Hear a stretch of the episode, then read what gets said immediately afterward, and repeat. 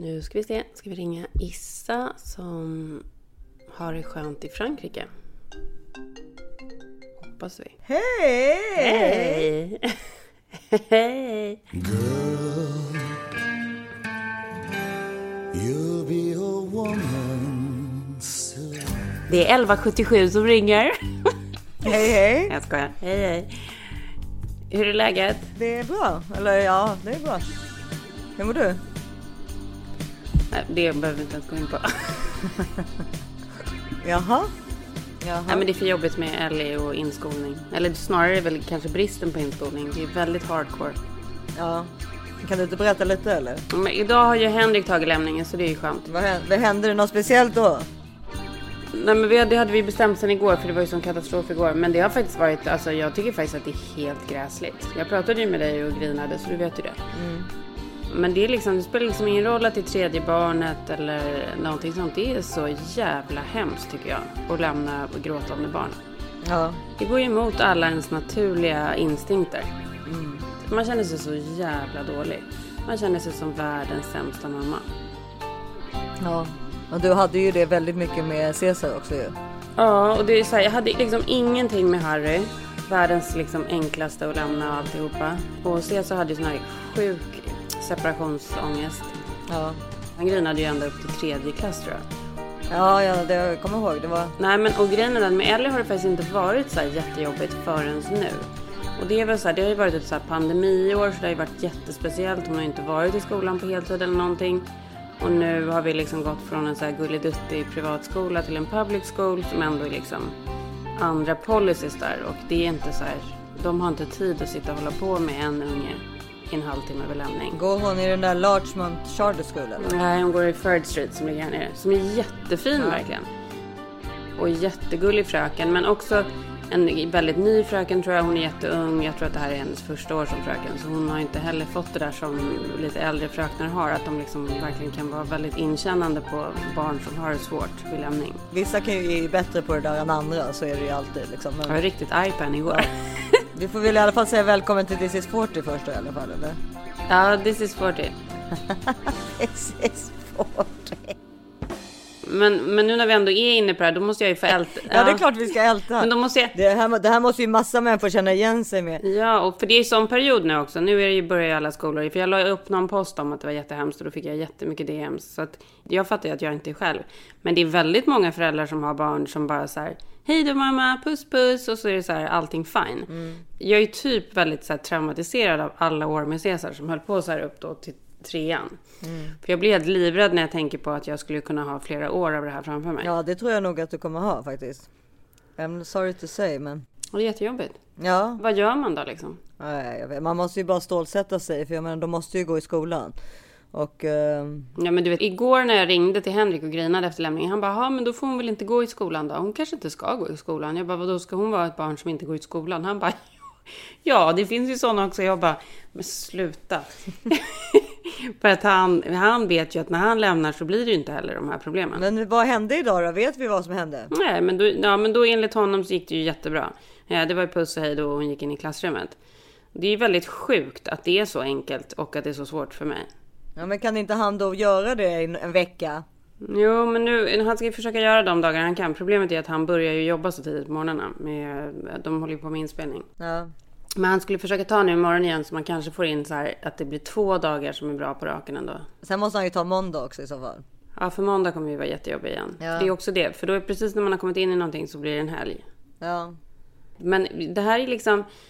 Det, det kan tyckas som att det inte är en stor grej, men den, alltså det psykar mig. Det gör mig otroligt... Eh, alltså gör mig jävligt så här deppig inombords. Det tror jag det gör för väldigt mycket föräldrar som har sådana problem. Så det tror jag inte du är ensam om. För man blir så här, vad gör jag för fel? Varför funkar inte det här? Och, Nej men plus att det är ju dränerande att se ett barn, sitt barn eh, gråta jättemycket. jättedränerande. Ja, och sen blir hon ju jätteutåtagerande så att de eftermiddagarna här har hon ju varit jättejobbig. Alltså när man hämtar henne så är hon ju glad och säger att det har varit bra. Men sen hemma så blir det ju så här, det, man måste liksom ha 100% fokus på henne. Så fort man inte liksom leker med henne så blir hon helt vansinnig. hon har värsta så här meltdownsen. För hon är ju såklart helt trött och jätteslut. Ja, det är då jobbiga dagar för henne också om man säger så. Ja, men nu går vi vidare till livet i Frankrike, tycker jag. Ja, men alltså här hos mig så, ja, jag har ju då åkt iväg ifrån alla mina barn, så jag har ju inga barn här. Nej. Eller hundar. Jag har kommit fram till att jag tror att det är hundarna som jag tycker är jobbiga. Nej. Ja, men de tar ju- Ja, de tar jättemycket. Nej men alltså mer att man liksom så här tänker så här att eh, de inte, alltså de bara hänger på, men så är det ju inte. Eh, Alltså de har ju de där ledsna ögonen som står och ska ge en dåligt samvete också. Ja, hur som helst, det är grejer, man måste ju göra grejer med hundarna hela tiden. Först gå ut och gå och sen så eh, är det bajs och sen så det, blir de blöta och då måste man tvätta av Ja. dem. Det är skitjobbigt. Ja. Ja, hur som helst så är jag ju då i Frankrike själv, helt ensam, bara med min egen pappa då. Så han har bara, han har ett barn med sig, alltså jag då. Men, Mm. Och eh, Gud vad underbart. Undrar hur det kommer vara när man reser med sitt så här jättevuxna barn. Mm, ja, i vårt fall så går det ut på att eh, vi sover och sen så äter vi frukost vid typ 11. Mm. Eh, och så, sen så går vi ner och lägger oss vid, vid vattnet. Alltså, så det är pool och hav liksom. Och sen så ligger vi där och sen så vid 1.30 ungefär så blir vi hungriga igen. Alltså då, då har vi badat lite också i havet och se- simmat och så. Och sen så då går vi och sätter oss och äter så dricker vi vin och äter. Och sen så lägger vi oss tillbaka på solstolen. Och sen badar vi lite igen. Ja. Och så pratar vi om människorna omkring oss, vad vi tror att de håller på med och vad, Ja. vad det är för sorts Det är typer. det bästa som finns när man är på resort och läser, studera människor. Ja, nej, det finns så många roliga människor här. Men det är som White Lotus liksom. Men, men och sen så efter det så eh, går vi upp till rummet och så duschar vi och sen så back to the bar. Mm. Och sen eh, är det och sen är det middag och eh, ja. Normalt sett eftermiddagen är det tillbaka till baren också. Så att, eh, det här, och det här ska hållas på med. Nästa podd kommer vi också spela in Ja. härifrån. Men, vad, men vad, berätta om samtalen. Jag vill höra om alla folk där på hotellet. Men jag vill höra ett samtal som inte handlar om folk på hotellet. Vad handlar de samtalen om? Är det mycket så här nostalgi eller är det liksom... Nej, han pratar ju jättemycket. Han försöker ju share me up. Alltså, han försöker ju så ge mig tillbaka mitt självförtroende och att jag ska känna mig trygg och sådär. Han, det är mycket prat om liksom, han är ju väldigt spirituell och sådär min pappa. Vi pratar mycket om, ja men alltså vad jag har gått igenom och hur, hur jag ska försöka komma ut ur det och att jag måste vara snäll mot mig själv för att jag liksom inte, mm, alltså det, nu är det tid för att liksom först fysiskt Alltså klara av saker fysiskt. Alltså, mm, som, för jag är ju väldigt svag fortfarande. Eh, Även fast det kanske inte låter som det så är ju det. Eh, så, och sen även då såklart psykiskt. Så att eh, allt det där måste ju byggas upp igen. Nu är jag kanske lite piggare än vad jag var för en vecka sedan i alla fall. Men då, det som är grejen är ju att det jag tror att det är lite som att bli gammal. Både i så här, vad vågar jag göra? Kan jag gå hemifrån mig till Odenplan? Klarar jag det? Så måste det ju vara för gamla personer också. Ja, alltså, att de säger, de vet liksom inte så, och är jag på Odenplan, hur kommer jag hem igen? Alltså sådana här extremt triviala saker som man tog för givet förut liksom. Och som inte är för givet längre, utan man måste liksom, allt, det är sjukt alltså. Och, eh, och även då i rädsla, för att det gör ju att man hela tiden känner sig rädd. Man har, liksom, har en knut i hela kroppen för att man inte vet vad man klarar av. När du känner så att du inte riktigt vet om du, eller undrar om du klarar det ena eller andra. Är det för att du tror att du ska liksom få typ en panikattack eller att du ska få ont eller att... Är det social fobi?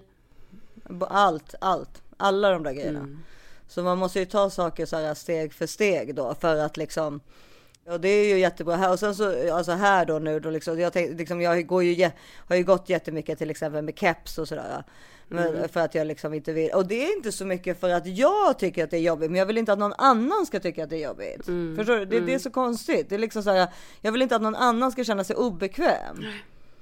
Men nu har jag liksom så här, nu när jag kom, så det är så varmt här också, man kan liksom inte ha hatt på sig hela tiden för det blir väldigt Nej. svettigt. Och, du, vet, så det går, och då bestämde jag mig bara för att äga skiten. Jättebra. Och eftersom det är samma människor, alltså det är ganska, så är det ju så här, nu har de ju sett mig. Och jag tror att vissa utav dem, eftersom jag har börjat få hår och har lite ögonbryn och så, vissa tror nog att det här är så som jag ser ut. Alltså att jag har valt själv. Eftersom jag kör liksom stora glasögon och läppstift och det är juveler. och jag, jag, jag kör ju ganska extravagant, extravagant stil för att, för att få bort liksom tankarna av att jag har varit sjuk. Ja. Jag vill liksom inte att folk ska tänka det. Men eh, när jag var i Stockholm, då var det alltså det som händer och det tror jag många som har varit sjuka känner igen sig i, är ju att man blir liksom bortkopplad ifrån resten av världen. Nej, för att man är liksom i en egen värld där någonting pågår som är så sjukt så att det går liksom inte ens att tänka att man är med de andra. Precis, och då, då är det väldigt svårt sen när man ska komma tillbaka till Jättesvårt, den här liksom. världen som man kände förut. Och så är man en annan person på sätt och vis, för man är trött och man är rädd och ledsen och allt det där liksom. Och Mm. orolig hela tiden och massa saker. Alltså, och då är det svårt att liksom här, hitta tillbaka till the Mm. core. Eller man, säger. alltså, the core i, i mig är ju så spänt så att det liksom Ja, och det, varje dag så försöker man väl då skala av lite för att jag ska försöka liksom bli normal igen eller vad man nu ska säga. Men alltså jag kan verkligen 100% sätta mig in i allt det här. Det är ju inte, absolut inte helt jämförbart, men som när min syster förlorade sin son och jag var i den här jättedepressionen under en lång period. Det var väldigt svårt att liksom vara ute och så här, sitta och äta en lunch med andra människor och vara som att allt är som vanligt. För att man har varit med om någonting som är så sjukt så att det liksom... Man blir ju en annan person. Mm. Och man zoomar ut också. Man Ja. zoomar ut också för man orkar inte. Nej. Man, hjärnan orkar, håller inte hela vägen. Så man märker att man liksom bara, ja okej. Och det är ju också så här, det blir väldigt deppigt. För det är som sagt, man är liksom inte, man är inte en del av, av vanliga människor. Utan man är liksom något annat. Och det är, Jag tror att man ska vara väldigt okej med det. Jag tror att man typ måste landa i det. För att det är så här, det man har varit med om kommer liksom vara med resten av livet. Så det är nog egentligen bara att anpassa sig till att man kommer vara en annan person. Och inte så här sitta och bara försöka vara den man var förut. Eller försöka vara som de andra. Nej men man måste, precis. Men det är, nej nej nej nej men nej fast det är ju också jätteskrämmande. Och man är ju redan så himla rädd så att man orkar liksom inte tänka på att man ska liksom. Eh, Alltså man vill ju bara hitta tillbaka till sig själv, det är ju det. Men ehm, alltså jag menar jag är ju väldigt mycket mig själv också. Det är jag ju faktiskt. Alltså det, alltså det hör man ju till exempel här eller liksom så. så det, men det, det är ändå någonting så här liksom. Jag kämpar liksom. Det är inte så att det här kommer, det kommer inte naturligt utan jag måste liksom verkligen eh, kämpa för att eh, överhuvudtaget klara av att typ ha en bra tanke. Men alltså jag förstår det. Eller liksom orka typ gå och simma eller orka gå ner till poolen. Eller, alltså det är så här, varje grej är så här. Och du vet jag håller ju i mig så här, relingar när jag går ner. Alltså som en gammal människa liksom. Och eh, går liksom väldigt sakta. Och tänker så här, hur ska jag komma upp härifrån nu? Och, alltså det, allting måste liksom planeras på ett helt annat sätt.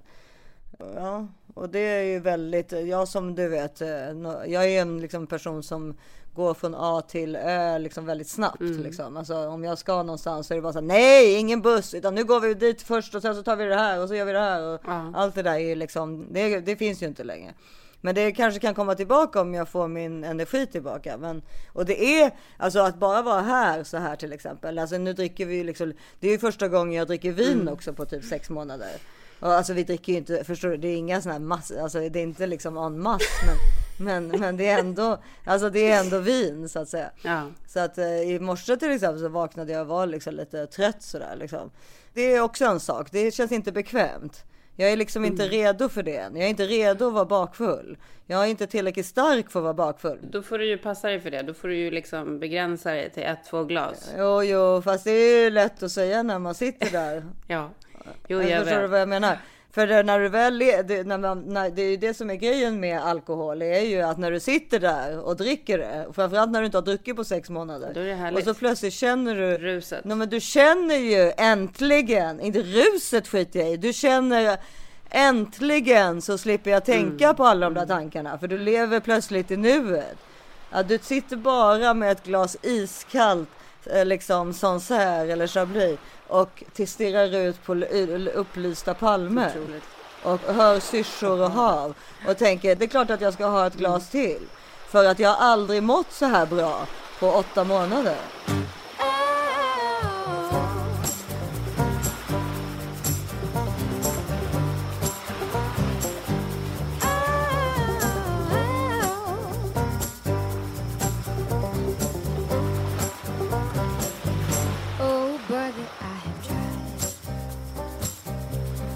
drop inside the ocean.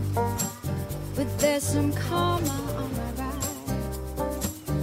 There's a place where I am going. It's out of my control, so I'm gonna coast for a little while.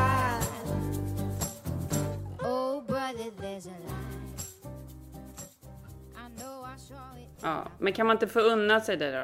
Jo, det gör jag ju, men problemet är att jag mår ju inte bra av det dagen efter. Och det måste jag, det säger pappa också, det måste du liksom komma ifrån. Han, han fattar ju ingenting. Han bara, jag har aldrig haft kemisk ångest i hela sitt liv. Uh, jag bara, har du inte? Varför, var har jag fått alla de här grejerna ifrån liksom? Men eh, för det har, man, har jag haft hela mitt liv, alltså från att man började dricka. Ja. Eh, nej, nej, nej, han förstår ingenting. Han bara, men gud, det är ju bara så. Alltså, det är det, det är precis tvärtom. Du ska säga så här, gud, vad, jag, du måste vara stolt över dig själv att du klarade av att dricka en flaska vin igår. alltså, det, han, är, han är ganska pro alkohol Ja. som ni hör. Men, men, nej, men alltså, alltså verkligen inte. Alltså, det här vi pratar inte om. Nej, men han är ju en livsnjutare. Alltså, han är ju en livsnjutare, han är inte en alkoholist. Jo, fast det, det säger ju, det, det, det säger alkoholister också om sig själva. Men han är, jag har aldrig sett min pappa full. Men, eh, men det dricks, alltså han är ju sydeuropé så det dricks ju hela tiden. De har ju ett annat sätt att dricka på liksom. Men hur som helst så som du säger, jag bör vara försiktig med det. Men när man sitter på ett sånt här och äter gott, vi äter väldigt liksom så här. Vi har, vi har kommit på att vi ska, vi äter ofta samma lika bra liksom. Och så äter vi liksom nästan bara så här för, vildfångad fisk och grönsaker. Och, Usch, gud så underbart. Ja. Ja, du vet, men gott liksom med så här vitlöksaioli och gazpacho. Och, ja, för nu körde vi för sig till lunch en entrecote med, med pommes frites. Men, men, men liksom vi, vi, är- du vet ganska enkel. Alltså vi kör, vi gör och sen så, så och sen så då vin och eh, sen kör ju han alltid vodka då. Ja. Det är många som säger att det, är, att det egentligen är bättre att hålla sig till den rena alkoholen. Förut var det alltid whisky, men han, han tycker att whiskyn är för söt. Det är för mycket socker i whisky. Så Mm. nu kör han eh, vodka som han är en viss sort som heter Beluga, the Gold Line. Eh, och den, Mm. Beluga är ju annars kaviar va? ja precis, men det här är en, en viss sorts vodka som är jätte, jättegod. Och eh, iskall då, som han håller på att dricka. Och då fortsätter jag med mitt vin. Mm. Men nu måste jag fråga en sak. För att det här jättestora livstraumat som du har varit med om. Alltså det måste ju såklart, eller det är ju såklart helt otroligt att du är med din pappa liksom på ett av de härligaste ställena i världen. Med din pappa som är så här, det finns ju ingen som älskar en lika mycket som ens föräldrar. Man får ju bete sig hur som helst lite. Eh, och man får ju liksom en chans att typ vara ett barn igen. Är inte det ganska skönt? Alltså, här, han, han måste ju vara helt okej med all ångesten. Ja, men han är ju typ den, den personen som är bäst att prata med sådana saker om. Alltså ja, ja, gud ja, och det är det som han, alltså det är, vi pratar ju, det är ju det vi pratar om, alltså egentligen, alltså förutom att prata, prata om, om de andra gästerna. Men så är det ju liksom mitt, eh, alltså hur jag ska komma ut ur det här och, och så vidare. Det är som att du är på en resa med Deepak Chopra typ. Fast, Ja, eh, faktiskt, Ja. Fast, så, fast som gillar sponken. ja. Lite så. Lite så faktiskt. Men han är ju väldigt, alltså han är superspirituell och går till mediums och förstår du, alltså tar- tarotkort och han, han, han be- betror ju väldigt mycket på Mm. både så här, the, the power of the dice liksom. Och the power of the cards. Alltså the cards are never wrong och liksom sådana saker. Alltså det finns ju någonting liksom så här kanske, alltså ja, men processen att gå igenom en sån här sak, vare sig det är det här eller någonting annat, kanske då leder till, han ser det ju snarare på det sättet. Att det leder till någonting som var viktigt just nu som skulle hända. Förstår du? Att det är liksom på det sättet. Men det tror jag också på. Och jag tror att det här kommer leda till att din så här, eh, din helt underbara personlighet kommer landa liksom i samma personlighet men med lite liksom eh, andra saker som kommer göra saker och ting bättre och du kommer liksom ha en livsåskådning som kommer förmodligen vara mycket starkare. Om det som jag har gått igenom ska leda till någonting bra, eh, då, då hoppas man ju att det är att jag kommer må bättre. För man får ju ändå tänka på att jag har varit typ en, inte en halv person, men säg i alla fall en tredjedel av en person med tanke på min oro hela tiden. Mm, jag håller med. Eh, och om jag, får, om jag får bort den, alltså om det är det som är processen om man säger så. Men, men det vet jag ju inte än, så nu än så länge är, det inte, är jag ju inte där alls liksom, utan än så länge så är det ju bara, alltså jag försöker liksom göra så gott jag kan för att andas, alltså jag tar till och sen så har jag ju börjat med soloften igen. vad är jag nu, dag 10 eller 9. Så att jag, det har jag ju mått extremt dåligt av. För jag mår alltid jättedåligt när jag börjar på antidepressiva. På mig så har det varit den effekten. Jag vet inte ifall folk någon annan känner igen sig. Ni får gärna texta, DMa mig om ni känner igen er i detta. För mig när jag börjar på sådana här antidepp då då är jag, mår jag då väldigt dåligt i ungefär 14 dagar. Men framförallt då från att jag tar pillret till ungefär ja, mellan 15 och 17 kanske. Och sen mm. släpper liksom den, den största ångesten, liksom. alltså den, den, den ångesten som har dubblat sig liksom, på grund av pillret om man ska säga. Mm. Och då kan, man, kan jag andas ut lite. Och det är väldigt, väldigt, väldigt skönt när det händer. Mm. Så nu hoppas jag ju att det snart kommer vända, alltså att det, att det inte kommer vara någon sorts biverkning av det där liksom. Och, eh, ja, för, sen... det, för, det som, för det som händer för de som inte vet det är väl då att, eh, som Solofto som jag också går på, det är liksom en depåmedicin. Så att när man väl liksom har fått in det helt i systemet, då ligger ju depåerna där hela tiden. Då blir det ju inte den där grejen som du upplever nu, att det liksom är, att det är olika på olika tider av dygnet. Nej, och sen är det inte så att alla påverkas så som jag påverkas. Det finns folk som inte har en enda biverkning när de börjar. Så att det är olika det också. Så att, eh, men jag vet ju som eh, för, första gången jag började så vet du, kommer du ihåg, då hade jag ju exakt samma. Så det, var ju, det kändes ju ganska tryggt för att samtidigt som detta ska ni veta kära lyssnare så slutade jag också med all morfin som jag har ätit. Eftersom jag har gått på morfin i tre månader i princip. Så eftersom jag först då efter operationen och sen fick den här jätteinfektionen att göra de två sakerna tillsammans, är, jag har, det, det är faktiskt någonting jag är väldigt stolt över att jag klarade. Det är sådana grejer då som jag måste lära mig då att klappa mig själv på axeln och mm. så här, och, eller inte klappa mig snarare klappa mig själv, alltså när, smeka mig själv. Mm. Att säga bra gjort Issa. Tänk att du klarade att sluta med morfin efter tre månader och börja på Soloften samtidigt och snart mm. är vi kanske over the edge liksom att mm att kunna andas igen. För även fast ni tycker att ni hör på min röst att så här, men hon verkar ju vara helt okej, okay, så kan jag lova er att jag har under de här veckorna så har det varit så mycket gråt och så mycket ångest och så framför barnen och jag har liksom legat i fosterställning och det har varit förfärligt. Men Ja. Jättehemskt. Nej men och det är så här, det kommer ju komma dalar och det kommer komma berg. Det kommer liksom vara så. Men gud ja, men det. Jag är jätteglad att du har börjat på antidepressiva också. Jag tror att det kommer hjälpa väldigt mycket ändå. Det var ju min psykolog som sa att så här, eh, att hon inte tyckte att jag skulle börja med det under behandlingen. Att hon bara, jag tror att du kommer behöva det efter behandlingen. Och det, var, det tyckte jag var väldigt klokt av henne för att det, det, det stämmer verkligen. Det är en helt annan grej, alltså det där med det finns alltså det där med cancerbaksmällan som folk pratar om. Det är en helt annan grej när man är inne i processen. Mm. Alltså när man är under behandling och så än när man är ute ur det. Det är två helt olika känslor liksom.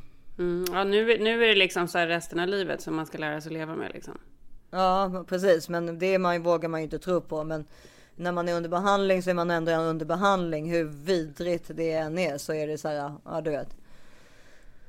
Oh, alltså jag menar, jag kommer ju fortfarande gå på koll och sånt så att det är så man får tänka. Men det är, bara, det är, så, mycket svår, det är så mycket saker att lära sig. Det måste ju alla som har varit sjuka känna igen sig Alltså man vet ju, alltså jag, vet, jag har ju aldrig varit med om det här förut. Jag vet ju inte.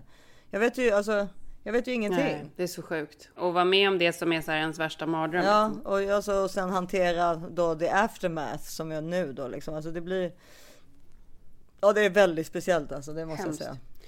Men nu är du i alla fall där på den här sjuka resorten, så nu måste vi prata om den också. Och jag har fortfarande inte gråtit här i alla fall, så det är bra. Ja, nej men och det har säkert med antideppen att göra också för att de blir, man blir ju, man blir ju stark. Alltså de riktigt svarta tankarna har, verkar ha slutat tycker jag. Skönt. Um, så som det, men det hade ju säkert med morfinet att göra för att sluta mm. med morfin är ju det svåraste och det jobbigaste du kan mm. göra för själen. Och, eh, ja men alltså så här, det, ja, men det vet vi att det är ju jättemånga människor som har liksom som är med om hemska saker och som går på morfin under en period och aldrig kan sluta med det. Alltså mm. det, det finns ju hur många fall som helst. Mm. Ja men så är det framförallt i Amerika. För här i Sverige så slutar de ju bara skriva mm. ut och då det kanske inte är så lätt att hitta heroin på, på samma sätt. Men, Men eh, i Amerika så finns ju den här opioid crisis är jättestor. Men Ja, en jättekris. Men de har ju blivit sjukt mycket mer restriktiva med hur de skriver ut. På riktigt alltså. ja, men det är precis. Ja, precis. ja, de har verkligen ändrat liksom. Nej, hur- min, men min, en av mina läkare sa alltså e- efter sex veckor så är man beroende av morfin. Punkt slut. Det spe- spelar ingen roll vem du är liksom. Ja, men det förstår man Och ju. eh, då, och då, men däremot så kan du nästan, du kan välja att liksom eh, avsluta, du vet, ett piller mindre om dagen. Mm. Eller ett halvt piller kanske du börjar med, eh, mindre om dagen. Jag åt ju jättemånga. Eh, och sen så, och sen ett piller och sen du vet sådär. Men jag gick ju i princip cold turkey. Så, alltså inte riktigt, men nästan. Jag gick liksom från, ja bla bla bla till liksom en ungefär. Och, eh, och, och, och, det, och jag är nästan glad för det, för det, då, är, då tar det typ, enligt honom, men jag tyckte det tog längre, eh, fyra dagar liksom av total panik. Liksom. Svettningar och dödsångest och eh, ja, alltså allt det där. Eh, alltså extrem dödsångest och panik och, och, och andra känslor. Alltså det här är hans ord. Och det, det, sättningar kan, jo men sätt, ja, ja, allt det där. Och det är inte farligt, men det är läskigt liksom. Usch, jätteobehagligt. Så obehagligt Mm. låter det. Ja. ja, men så det är jag glad och stolt över att jag har lyckats ta mig Ja, ur. men det ska du vara. Och, det ska, det ska du bara ja. klappa dig själv på axeln för. Och Absolut. nu är jag då på den här uh, resorten som uh, är resort.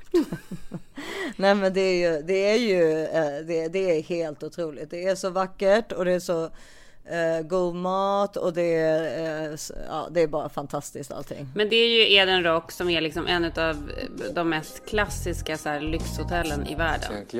Dustin Hoffman. He's a really nice guy who's been coming here for a long time. He likes it here. And this is from Karl Lagerfeld, who's left us a lot of drawings. You can see he's very creative. Euh, il est très créatif, comme on peut le voir. Johnny Depp. And this is by Johnny Depp. It's a bit more rock and roll. But that's the great thing about Hotel du Cap. It's open to that. You know, the light here is spectacular, and I think that really draws people from the movie industry because it's so beautiful here. Built as a writer's retreat back in 1863, the villa was turned into a hotel in 1870. In 1914, the Eden Rock Pavilion was added, and the iconic seawater swimming pool, a hangout for the likes of Marlene Dietrich, Ernest Hemingway, and Pablo Picasso. Ja men precis, Varenda, det finns inte en enda kändis som inte har varit här och framförallt tagit bild på den här stora allén som går ner mot vattnet. Jag är så avundsjuk. Eh, Men, eh, och de här bilderna finns också lite överallt på hotellet så man kan se liksom allt ifrån Michael Douglas till Alain Delon och hela gänget. Um, nej, det här, här har det hänt grejer kan man säga. Ja. Och nu händer grejer, för nu ligger du där vid poolen om dagarna. Ja, nej men och den enda kändisen som är här, och jag tror inte, jag vet inte ens vad svenskar vet vem det här är, men eh, varför jag säger så är bara för att det, han är en av de som är med i Million Dollar Listing Los Angeles. Eh, och den, det är han som heter David, alltså han som är liksom i, de är två killar, två brittiska killar som är liksom i team kan man säga, som jobbar på The Agency, samma, han är här med sin mamma och pappa och sin pappas ex och hans barn. Men det, jag har inte sett någon fru än så länge. Så jag vet inte ifall det kanske är ett scoop. Jag kan tänka mig, det ser nästan ut som det kan hända att faktiskt eh, han har skilt sig eller på något sätt separerat för att han ser väldigt miserabel ut. Men det här är ju en av de mest intressanta grejerna när man är på en resort. Det är ju att följa andra människors semestrar. Ja, jag, och jag tror ju att jag har rätt med varenda iakttagelse också, vilket jag såklart inte har. Men, men, ehm, men, ehm, ja, och sen undrar man ju vad folk tror om mig och pappa. Ja. Alltså förstår du, för att vi är ju ett jävligt, vi är ett jävligt otippat par. Men det var som pappa sa när första kvällen var, så tittade han runt sig och var så här, It's a lot of married people here, just not to each other. Ja, exakt. Alltså, Precis så är det ju. Det är väldigt mycket folk med älskarinnor och sånt. Men, men ja, nej, men jag tror att alltså hotellet vet ju att det är att vi, alltså pappa är ju här så mycket så det är liksom Mr Monfrini, Mr Monfrini hela tiden. De vet att det är att jag är hans dotter. Men eh, och alla som jobbar här och så. Det, det är liksom, folk känner varandra, förstår du? Det är liksom, det, det är väldigt, väldigt vänligt. Det är absolut inte snobbigt. Alltså Så absolut härligt. inte snobbigt. Och eh, även liksom, eh, men jag tror att eh, de som, om, det, det verkar inte som om det är en enda person som bryr sig om oss. Nej men det är väl klart, det är tycker- klart ingen gör för du, Nej! du som du... Nej, det, ja, det är bara jag som tittar på andra och pratar om andra. Jag känner det. Jag skulle känt om de pratade om mig. Mm. Det känner man. Nej, det, de är inte, folk är inte intresserade. Alltså de håller på med sitt liksom. Men du har liksom så alla klassiska grejer. Vi pratade ju om White Lotus förra veckan som verkligen också är så här. Det, det klassiska upplägget av gäster på en resort. Att alla de här olika liksom. Ja, och anställda. Ja, och anställda. Och så här, att de anställda ska typ låtsas att de bara, men de ska bara vara så himla behagliga. Man ska bara liksom inte liksom känna av att de existerar. Det är egentligen ganska hemskt. Nej, men här är det inte riktigt så. För fransmän är annorlunda än amerikaner. De tar lite mer plats kanske. Nej, inte blir mer plats. Det är amerikaner tar ju mer plats normalt sett, men fransmän, de här, framförallt om man då pratar franska som vi gör, så, så blir det ju att man blir, alltså de är ju mera pal, liksom kompisar.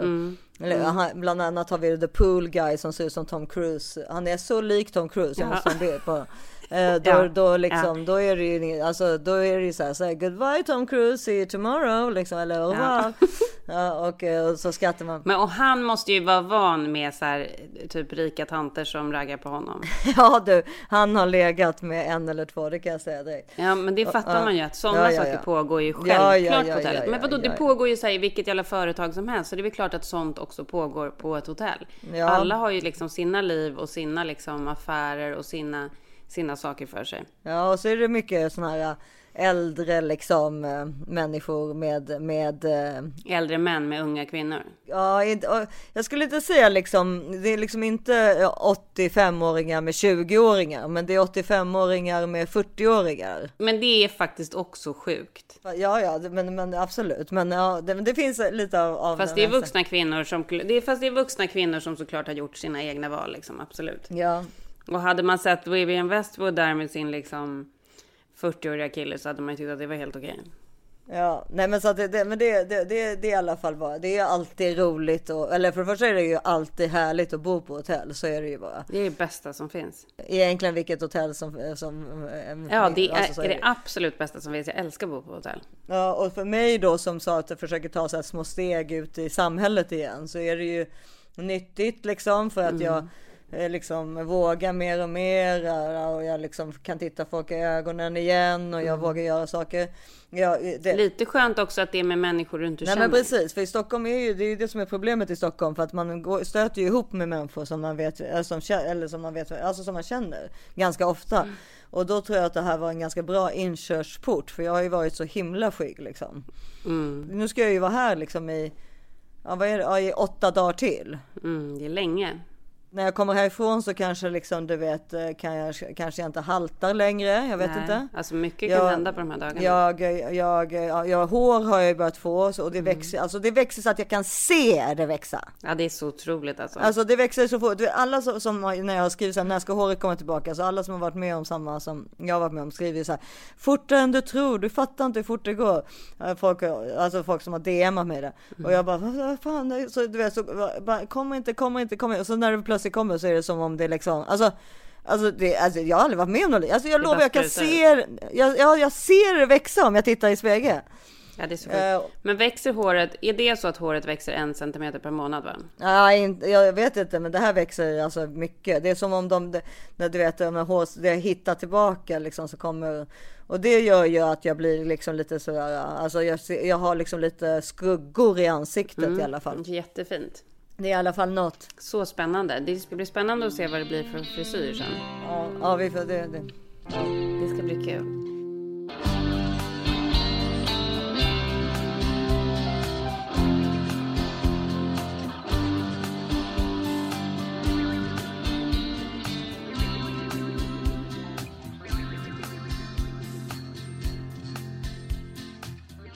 Men tillbaka till hotellet. Jag måste berätta en rolig grej. Eh, det är tillbaka till hotellet hela tiden. Nej men Ja. sen jag kom tillbaka hit så har Henrik varit ute på så olika hemliga grejer. Jaha. Ja, och jag bara, men vad är det han håller på med? Så han bara, "Dra- jag drar iväg nu och sen så borta. Så, så bara, jag har ju aldrig misstänkt att det har varit något fuffens på gång. Men han håller på att kolla på land. Det här är så jättekonstigt. alltså mark för att han vill liksom ha någonstans där han ska åka och kunna eh, köra jakt. Han vill ha jaktmark liksom. Och sen typ ställa upp en så här airstreamer där som man ska åka dit på så här helger och sånt. Var Ja, någonstans? och som du vet. Mm, men han har kollat på lite olika ställen. Ja, och jag har ju inte varit så här jätteentusiastisk till det här för att jag är inte så. jag delar ju inte riktigt det här intresset. Nej. Ja, och han bara, men du kan gå runt där och gå och promenera och hajka och hej och hå. Ja, jo men visst det kan jag väl absolut göra liksom. Men det är ju ingenting som jag kommer göra typ varje helg. Jag ser absolut inte det framför mig. Så har han försökt hitta något slags här mellanting då som ska attrahera mig mer tror han. Så han har hittat någon mark uppe i Paso Robles som ligger i norra Kalifornien. Eh, det är jättevackert. Det är väl ganska nära Monterey och ganska nära Big Sur och det. Supervackert där uppe. Eh, Jag har hittat en jättevacker mark och han bara, men här skulle vi kunna liksom ställa upp en sån här jättefin eh, airstreamer. Så åker vi upp så här en eller två helger i månaden. Och jag bara, men vad ska jag göra? Ska jag ligga där inne i husvagnen? vad, är liksom, Ja. vad är tanken bakom det här? Och så har inte jag velat vara så neggig mot det här. För han är väldigt glad över den här grejen nu som han har kommit på att han vill göra. Så att jag bara, men vi kan väl åka upp i helgen då? Vi kan åka upp och kolla på det där. Och han bara, ja ah, men ja vi kan åka på torsdag. Och jag bara, hur ska vi bo då? Och så han bara, nej men jag ska titta- på lite hotell. Ja, och sen så igår kväll så bara, ja jag tänker att vi åker upp på torsdag så kan vi bo på det här stället. Så visade han mig ett hotell som såklart var sjukt härligt. Och jag bara, på en gång när han visade det så var jag så här, så gick jag in i badrummet och jag bara, nej men det här går ju inte. För att det jag vill göra är ju just det, åka upp och bo på ett hotell och liksom köra den grejen. Jag vill ju inte åka upp och sitta i en så husvagn och sen ta med mig tvätten hem och sen så hålla på och tvätta Nej, inte- hela söndagen efter att han har varit ute och kört så här, kört liksom go-kart ute i skogen och varit på jakt och grejer. Att Det här är ju liksom så här. Nej, så jag kommer ut från toaletten jag bara, jag är så ledsen Henrik. Men jag tror att jag har insett nu att det här inte är någonting för mig. Han bara, vad menar du? Jag bara, ja men när du öppnade den där sidan med hotellet så kände jag ju bara att det är typ det enda jag vill göra. Ja. Ligga på det där hotellrummet, gå ner till poolen. Jag vill inte liksom ligga ute i skogen. Nej, men det måste han ju ändå förstå. Och åka hem med bilen full med tvätt. Nej. Liksom, alltså det är typ mardrömmen. Men förstod han det eller? Ja, nej men han bara, ja nej men okej, men, men då ska jag kolla på land lite närmare här och så kanske jag bara kör någon liten hydda i skogen och kör det här själv. Jag bara, gud det låter som en toppen idé. Alltså så det är verkligen så här, men det hade ju varit perfekt. För då, då får man ju lite så här några dagar för sig själv här och där. Ja men alltså det tänkte ju att träffa Henrik i en liten hydda i skogen om du Ja. inte skulle känna honom. Då hade du blivit livrädd. Livrädd. Men jag, alltså det skulle ju passa honom perfekt. Ja ja, eremiten. Eh, vad heter de? Eh, man kan typ köpa en sån här ATV-bil, köra runt där och liksom. Vad är ATV-bil för någonting? Ja, Men fyrhjuling liksom. ja ja, ja. en Ja, ja, ja, ute i skogen så här, fyrhjuling, långt skägg och liksom. Långt skägg. Han kommer inte tillbaka älskling, I'm sorry. Nej, nej men exakt. Han kommer aldrig tillbaka. Medan jag liksom ligger på något lyxhotell ute i Paso Ja. Robles. Ja, och dricker champagne vid poolen. Ja, nej, men, nej, men så det, var, det kändes väldigt skönt när jag verkligen så här. Det klickade på en gång när han visade mig bilderna på hotellet. Att jag var så här. Nej, det, här, det är det här som inte stämmer ihop. Vi har olika. Men det är väl helt okej. Det är väl ganska bra att ha så här olika projekt. Det, ja, det, det var ju det Lisen sa förra veckan. Alltså, det, är ju, det är jättebra. Fast egentligen skulle man ha ett Ja. gemensamt projekt, men det kan ni hitta i något annat. Jo, men det har vi ju alltid. Nu sen vi kom tillbaka hit så har vi verkligen haft ett så här väldigt roligt projekt. Vi har gjort om ett av gästrummen här och det har blivit så sjukt mysigt. Bara så här överbelamrat med tavlor på väggarna och det är liksom roliga mattor och eh, massa grejer. Inredning är ju vårt så här gemensamma roliga. Det tycker vi är så kul.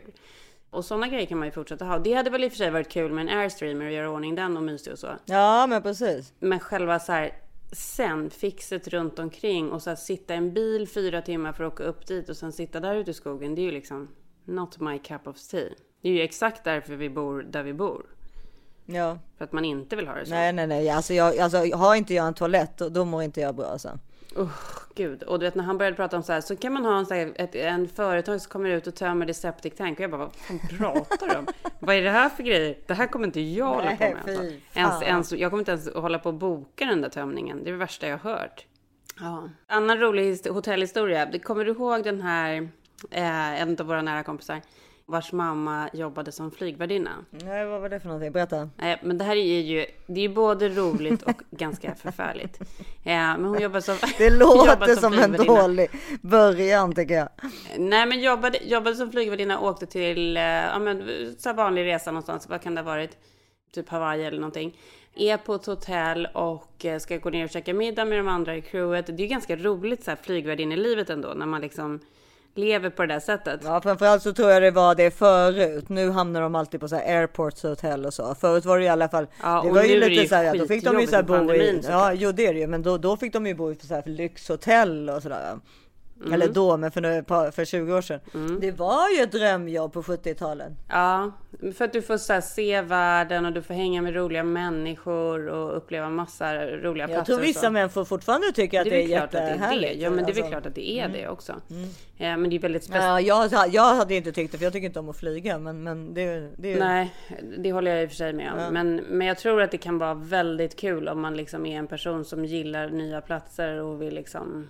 Ja, ja, men precis. Du har liksom- Absolut. du får liksom ja, komma iväg. Ja, vad hände med din, Nej, vad hände med din kompis mamma? Ja, det är så jävla sjukt. Hon är i alla fall på, den här, upp på det här hotellet på Hawaii och eh, går ner med sina tjejkompisar i crewet och ska käka middag och så ska hon väl gå upp bara och hämta någonting.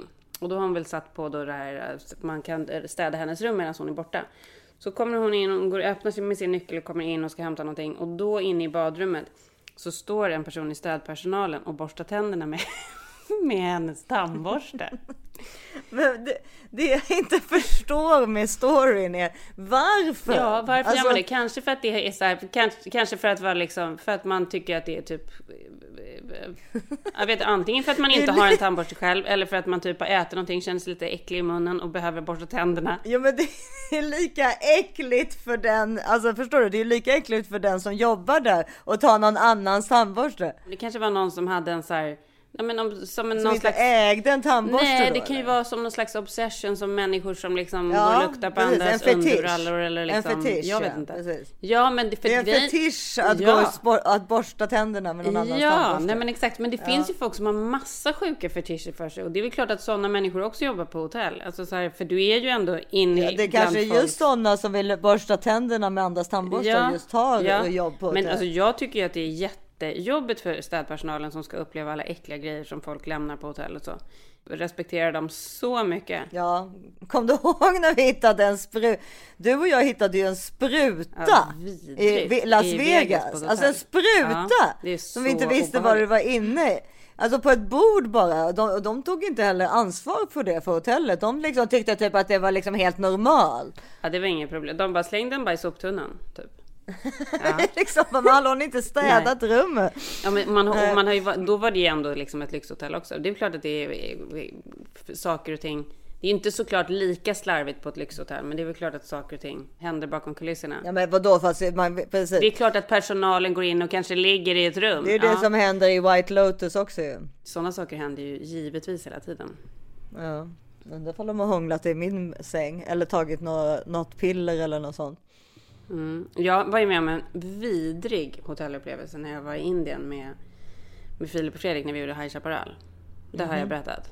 Nej. Nej, men, det var ju jag själv som hade bokat så här, hotellet, bokat resan och gjort alltihopa. Ja, och så var det väl, ja, men vi hade väl ganska låg budget så jag hade väl tagit ett lågbudgethotell. Ja, och lågbudgethotell i Indien är ju väldigt äckliga oftast. Och, nu ursäkta nu att jag säger så. Ja men det kan jag tänka mig. Men och kommer in på det där rummet och bara, alltså det var liksom, öppna liksom sängen, lyfte upp täcket, det låg så här könshår mellan lakanen. Det var en kondom i badrummet, alltså du vet. Det var så jäkla gräsligt alltså. Och bara låg där och försökte klä på mina kläder på sängkläderna så att jag liksom inte skulle behöva nudda någonting. Ja, och låg och grät liksom. Och sen så dagen efter så checkade vi ut och checkade in på ett lyxhotell. Ja, men det, det faktum är att jag kommer inte ihåg om det var Hollywoodfruar eller vad det var jag jobbade med när jag skulle, hela teamet från Sverige skulle komma. Eh, och då skulle jag försöka hitta ett hotell då. Och då, då hittade jag någonting som heter Celebrity Hotel i Hollywood. Alltså du vet det var så sunkigt va. Men det såg ju liksom helt okej ut. Förstår du? Och jag, jag förhandlade och hade mig som i vanlig ordning för att få ett bra pris då. Och fick ett bra pris också dessutom och var jättenöjd. Var det att en vecka in i vistelsen så började ju liksom hälften av teamet klia. Då hade de ju fått bedbugs. Och det är ju inte kul för det går ju typ inte att bli av med. Och, och det var jättejobbigt. Det var jättejobbigt. Men, eh, så Gud, att, eh, så hemskt.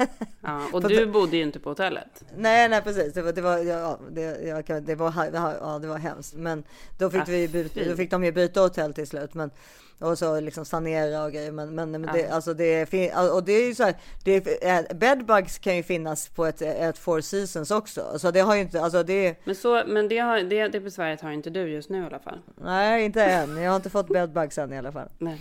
Men du, Men det ska, bli, så- det, ska faktiskt, bli så eh, himla, himla, det ska bli så himla intressant att höra om rutinerna är de samma om en vecka. Ja exakt, vi får se. Men jag har två tips bara lite snabbt. Eh, Tv-tips. Kul. Det är Who the fuck is Bobby? Ja, du har sagt till mig att jag ska se den. Jag har inte sett Ja. den ännu. Berätta. Nej men alltså det är om den här eh, kändisfrisören Bobby Onducho tror jag man, man uttalar det. Mm. Onducho eller Onduko. Jag heter Bobby Odunjo.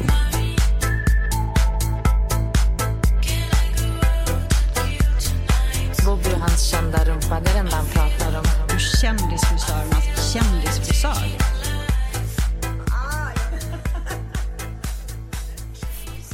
Och ehm, han är ju sur- ja, nej men ni får se. Det, jag tycker att det är intressant med hela hans liksom. eh, eh, ehm, titta på den, den finns på SVT Play. Om, Men du måste det, sälja in den mera. För, för när du sa till mig så här, att jag den dokumentären som heter Who the fuck is Bobby Onducho. Jag heter Bobby Odunjo. Who the fuck is Bobby Onducho. Nej, who the fuck is Bobby? Jag förstår också titeln. För, för mig är han så här, jag, varför skulle jag vara intresserad av honom? Nej men jag tror inte de, fle- de flesta vet nog inte vem han är förutom i Stockholm. Nej men det är ju det jag menar. Jag, jag, man har ju sett honom i Blaskorna men inte. Men han har ju massa kändis. Han, har, han, han kommer ju, han är ju syrian som kommer från Södertälje Mm. och eh, hans, hans eh, föräldrar har då aldrig, alltså hans pappa har aldrig gått med på att han är gay till exempel. Så hela den storyn är ganska intressant. Mm. Att se liksom hur han försöker få sin pappas liksom välsign, välsignelse och hans pappas liksom, de är väldigt nära i familjen liksom, men hans pappa liksom är bara en jätte, liksom vägrar att acceptera det. Varför hela tiden du, du säger att det är ditt fel och mammas fel? Det är mitt fel att jag födde honom så. Det är hans fel också då. Det är, ni har fött mig. Nej, från början, du har, du har inte pappa, fått det- det honom sunt. Jo, men du är Nej, det var inte det- sunt. Det inte jag de föddes inte gay. Det undrar. Du lät mig bli det. Från början, ingen har som fått det sunt. Från början, för 10 år, 15 år sedan. Det började inte 10-15 år sedan. Det var tidigare. Jag vågade inte säga någonting till er. Tills Det- jag lever. När jag går till kyrkogården i begravning, jag accepterar inte den vägen. Men du accepterar den, lycka till, fortsätt. Jag tar hand om min kund, jag ger dem tips och råd hur de ska se ut. Så att jag känner att jag är väl lite mer en terapeut, psykolog, coach och bästa vän ibland också med vissa av dem. Så att för mig är det inte bara ett yrke utan det är hela mitt konstverk. Alltså han har ju massa då kä- kändisar och han tycker inte att, liksom, att hans eh, föräldrar liksom, typ, ser allt bra han har gjort och att han är en bra människa. Eller framförallt hans pappa då. Bara hans pappa faktiskt. För hans mamma är, är, är helt fin med att, det. Men, men Hade jag fått en extra, någon extra kram pappa, vad duktig du är, så hade jag mått bättre. Men när han är så här, andras barn är si, andra, det är så här, fan jag har gjort bättre än många. Och jag gör goda saker, jag gör inte illa någon. Jag försöker lyfta upp människor, jag gör välgörande, jag gör så mycket. Vad är det han inte ser? Det är förmodligen både en så här ålders och eh, generations och eh, kulturkrock liksom. Nej men det är framförallt kultur. Det är kultur och så. Och, och så. Jag fick höra som barn utav många släktingar, eh, medmänniskor som var från vår kultur. Att du vet att det är så här va? Gud förlåter allt, men inte homosexualitet.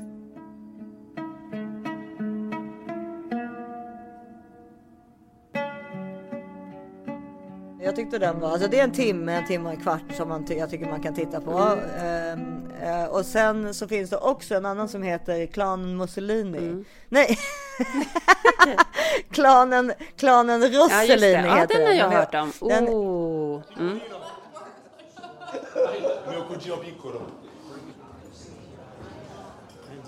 How often are you all together? This is the all this large number is the first time ever. La- yes, last time the whole family was together was 42 years ago. 42 years? Yes, Okay. it was for a funeral last time. Yeah, it's usually. You are lucky. It, it's the first time that it happens without a dead body. Yes. It only happens during the funeral. Great, great, great, perfect. ja, den eh, finns också på SVT Play.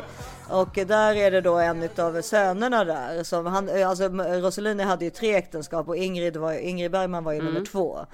Eh, och eh, tredje så fick han, och en av dem som han fick i tredje äktenskapet har ju då, gammal um, missbrukare och nu har han slutat och nu har han gjort den här, där han följer då, han går åker till alla sina syskon, halvsyskon och så vidare Mm. och frågar liksom frågor och så, och då, det eh, bland annat då till Isabella och hennes barn Mm. och till Roberto som han också hette då, eh, första sonen Mm. där. Och Roberto Rossellini som liksom var värsta, alltså, alltså sonen Rossellini som är då idag kanske 60 eller något sånt där, 65 kanske. Mm. Han var ju värsta, värsta playboy. Du vet, På tal om Eden Rock så har han säkerligen varit här till exempel. Absolut. Eh, ja, till 100 procent. Värsta. Men nu är han då alltså bosatt som en eremit på västkusten i Sverige. På den här Bergmanön, alltså Ingrid Bergmans ö som hon, de, Mm. familjen hade, Mm. som de hade, har haft i evigheter. Där bor han ensam. Så intressant. Eh, året runt. Eh, och det tyckte jag var väldigt intressant. Och hon, han åker dit och får träffa honom. Så att han gick med på den intervjun i Är alla han, fall. är han lycklig eller är han liksom bara svart? Ja, han verkade väldigt, framförallt kan jag säga var han så jävla snygg. Ja, men det är klart att han är det. Eh, Alltså Det snacka om så, the, JFK, Mm. the JFK look alltså. Och det är alltså helt så perfekta kläder Mm. och alltså. Eh, ja, men, jag, tycker, jag vet inte, jag gillar ju såna här familje, släkt, släkter. För det där är också den här ehm, Ingrid Bergman-boken Mitt liv, som är hennes självbiografi. Mitt liv. Åh.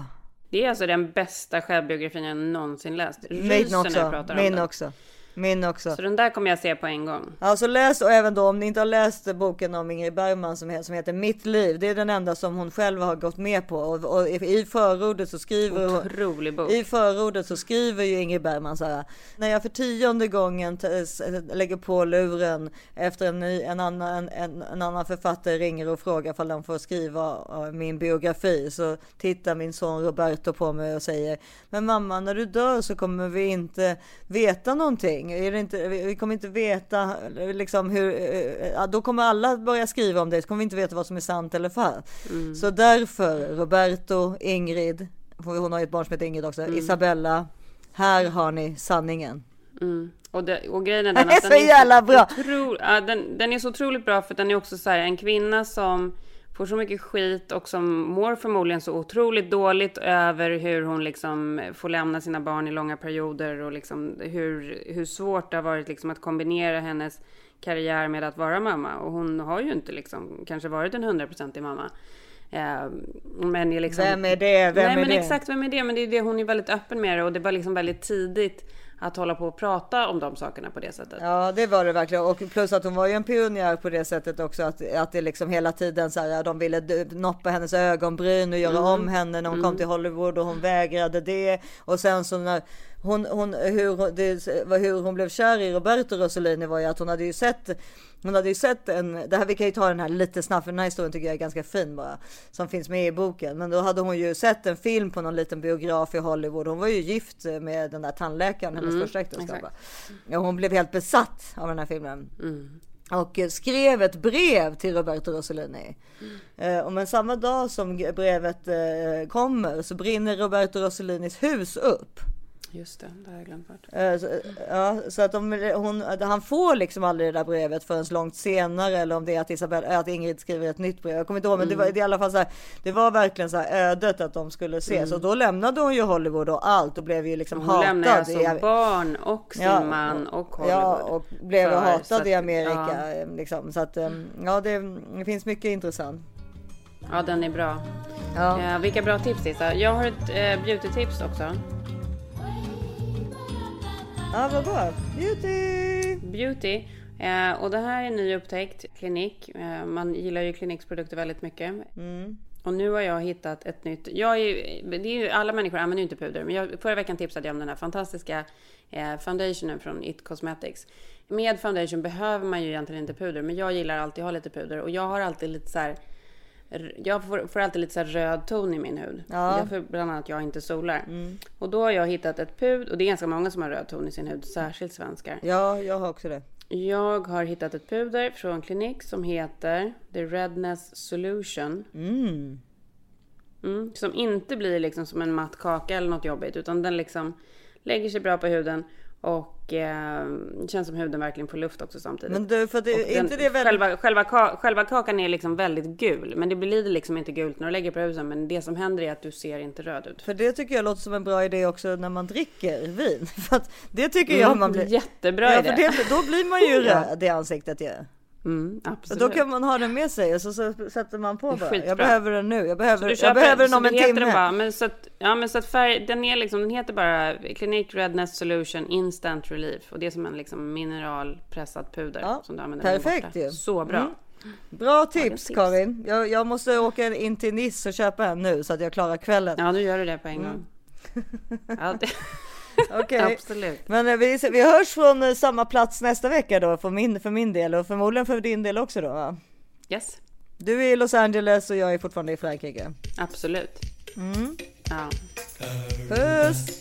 Puss och kram. Tills vi hörs igen nästa vecka hittar ni oss på Instagram som This is 40 podd.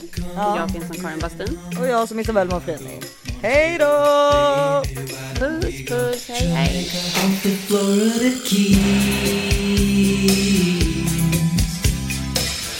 There's a place called Kokomo.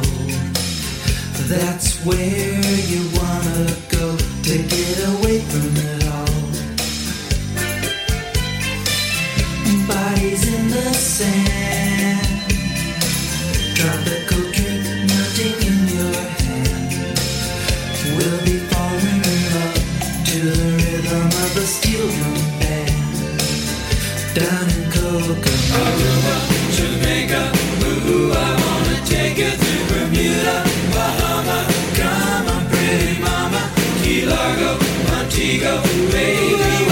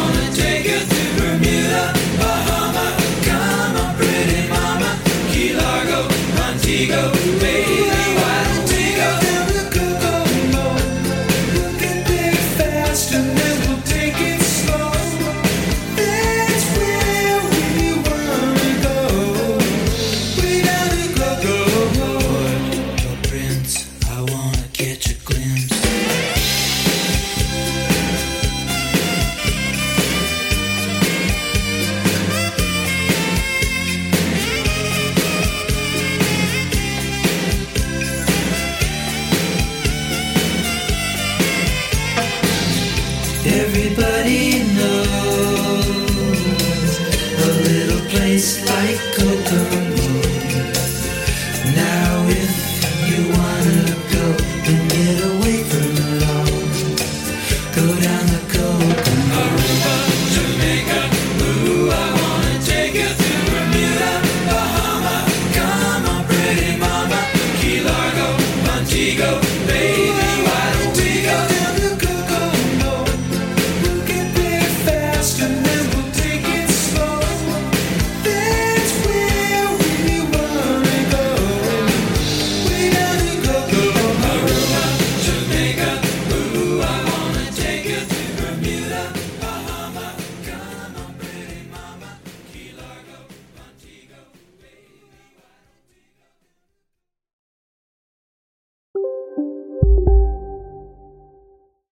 Nu ska du få höra från butikscheferna i våra 200 varuhus i Norden.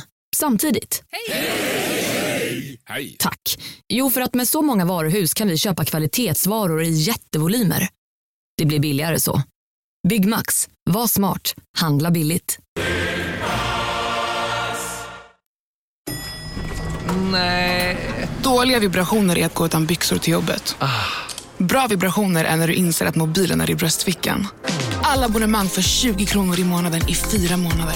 Vimla! Mobiloperatören med bra vibrationer. Ja, Hallå? Pizzeria Grandiosa? Jag vill ha en Grandiosa capriciosa och en pepperoni. något mer? Med kaffefilter. Ja, Okej, ses samma.